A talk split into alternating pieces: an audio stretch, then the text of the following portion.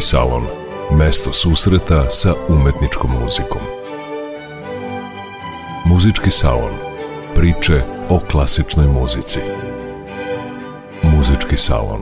Dragi slušaoci, dobroveče. Ja sam Jovana Golubović i ovog utorka govorit ću o engleskom kompozitoru Edvardu Elgaru. Čućemo odlomke iz nekoliko njegovih značajnih instrumentalnih dela – Ono na šta između ostalog većinu poznavalaca umetničke muzike asocira ime tog autora 20. veka jeste koncert za violončelo i orkestar koji se smatra i jednim od najlepših u muzičkoj literaturi za taj instrument.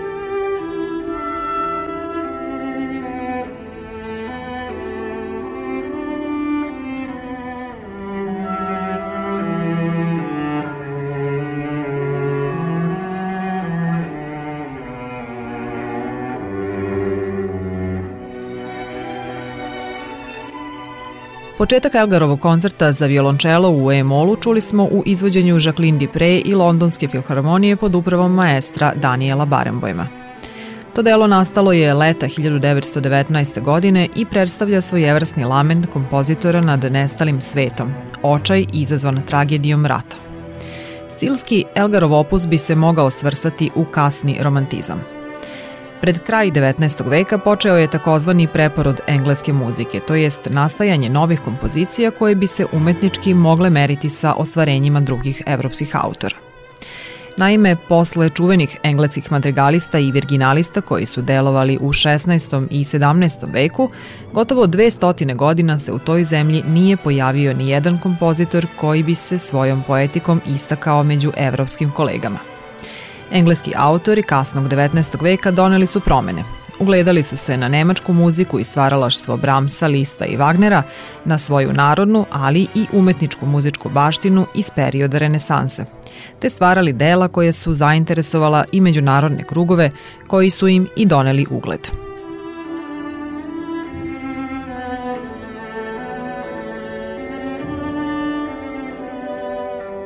Među onima koji su porstakli preporod engleske umetničke muzike bio je i Edward Elgar, rođen 1857. godine.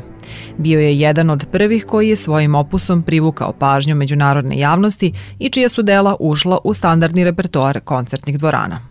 U domovini je postao najugledniji kompozitor svoje generacije – Međutim, njegov opus nije nadahnut engleskim folklorom niti stvaralaštvom prethodnika iz 16. i 17. veka. Uzor je pronašao pre svega u Bramsovim delima.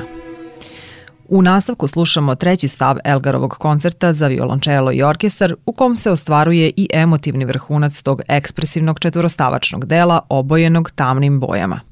Adagio slušamo u izvođenju Jacqueline Dupre i Londonske filharmonije pod dirigentskom palicom Daniela Barenbojma.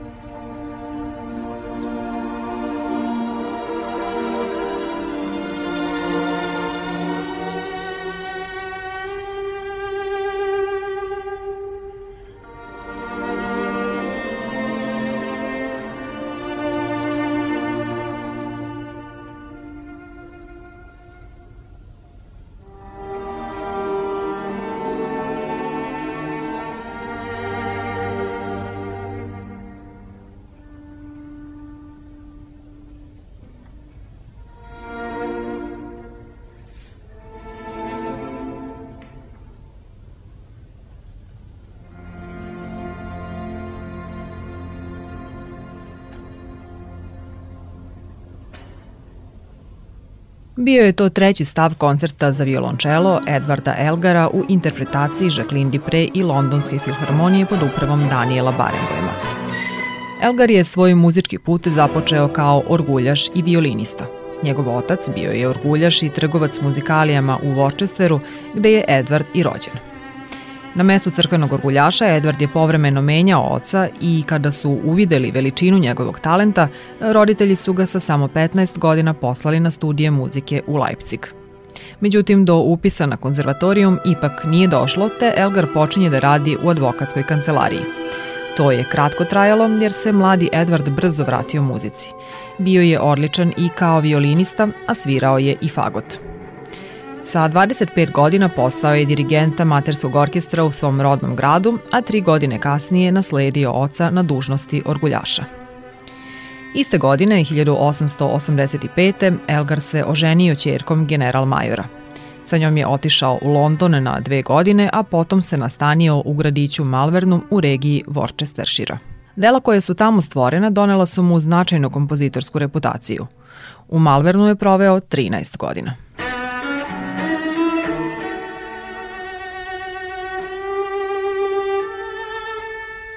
Elgar je relativno kasno razvio svoje stvaralačko umeće.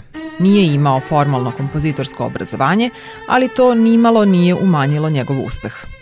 Imao je nadimak engleski Brahms. Prvim Elgarovim značajnim delom smatra se uvertira Freusert, koju je napisao u 33. godini. Poslednje usledilo je mnogo kompozicija koje su ga etablirale na evropskoj muzičkoj sceni. Jedna od njih je poznata pod imenom Enigma variacije – Reč je o delu za orkestar nastalom 1899. godine koji je originalno nazvano Variacije na sobstvenu temu Opus 36. Kako je sam kompozitor napisao, posvećene su prijateljima koji su u njima portretisani. Svaka variacija predstavlja muzički portret Elgarovih prijatelja i poznanika i na svakoj su naznačeni inicijali tih ljudi, dok je iznad teme zabeleženo enigma, otuda i naziv enigma variacije. Čućemo temu i prve četiri varijacije od ukupno 14.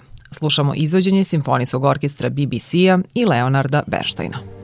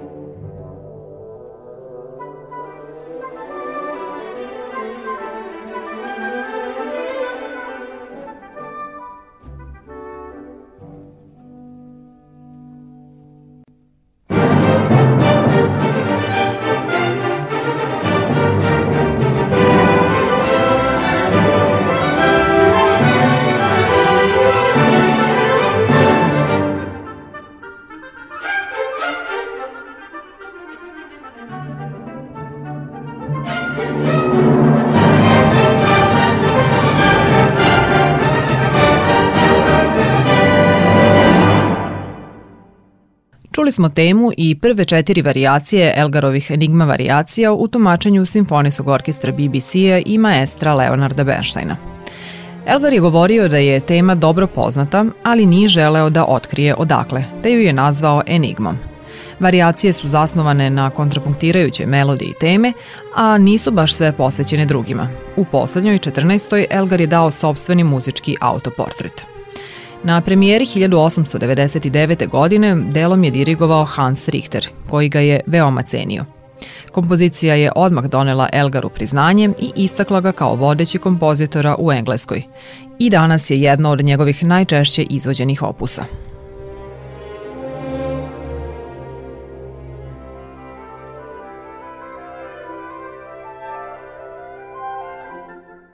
Godinu dana kasnije, Elgar stvara oratorijum Gerontiusov san, koji stručnjaci smatraju remek delom tog žanra. Komponovan je po istoimenoj poemi kardinala Johna Henrya Newmana. Ono što je ovaj oratorijum istaklo u formalnom smislu jeste izostavljanje tradicionalne mešavine recitativa, arija i horova. Umesto toga, Elgar je napravio kontinuirani muzički tok poput onog koji pronalazimo u muzičkim dramama Richarda Wagnera – Delo nije odmah naišlo na odobravanje posle premijere u Birminghamu, međutim, nakon što je doživelo uspeh u Nemačkoj, prihvatila ga je i britanska publika. Ne čudi da u engleskoj oratorijum nije odmah prihvaćen jer je u toj zemlji postojala duga tradicija gajenja tog vokalno-instrumentalnog žanra, a Elgar je u njega uneo nešto sasvim novo iz potpuno drugačije muzičke forme. Osim ovog, Elgar je komponovao i druge oratorijume, Svetlost života, Apostoli i Kraljevstvo. Napisao je i kantatu Karaktakus, druga religijska horska dela kao i ciklus pesama za kontraalt nazvan Slike mora.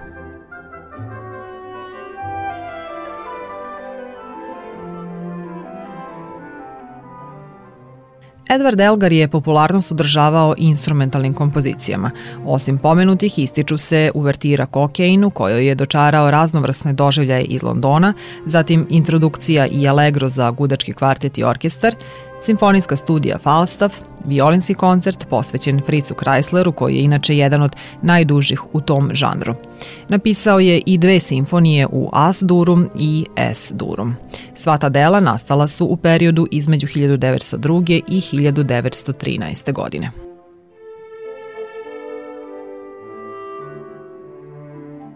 Za vreme Prvog svetskog rata povremeno je stvarao patriotske komade, a nakon smrti supruge 1920. godine vrlo je malo komponovao, a 1929. se vratio u Worcestershire. Prijateljstvo sa Georgeom Bernardom Shawom ga je postaklo da se vrati stvaralaštvu. Treću simfoniju, nažalost, nije završio, a nedovršeni su ostali i klavirski koncert i opera. Elgar je titulom Sera nagrađen 1901. godine kada je napisao odu za krunisanje Edvarda VII. Tri godine kasnije proglašen je vitezom. Od 1905. do 1908. bio je prvi profesor muzike na Birminghamskom univerzitetu. Preminuo je 1934. u Worcesteru.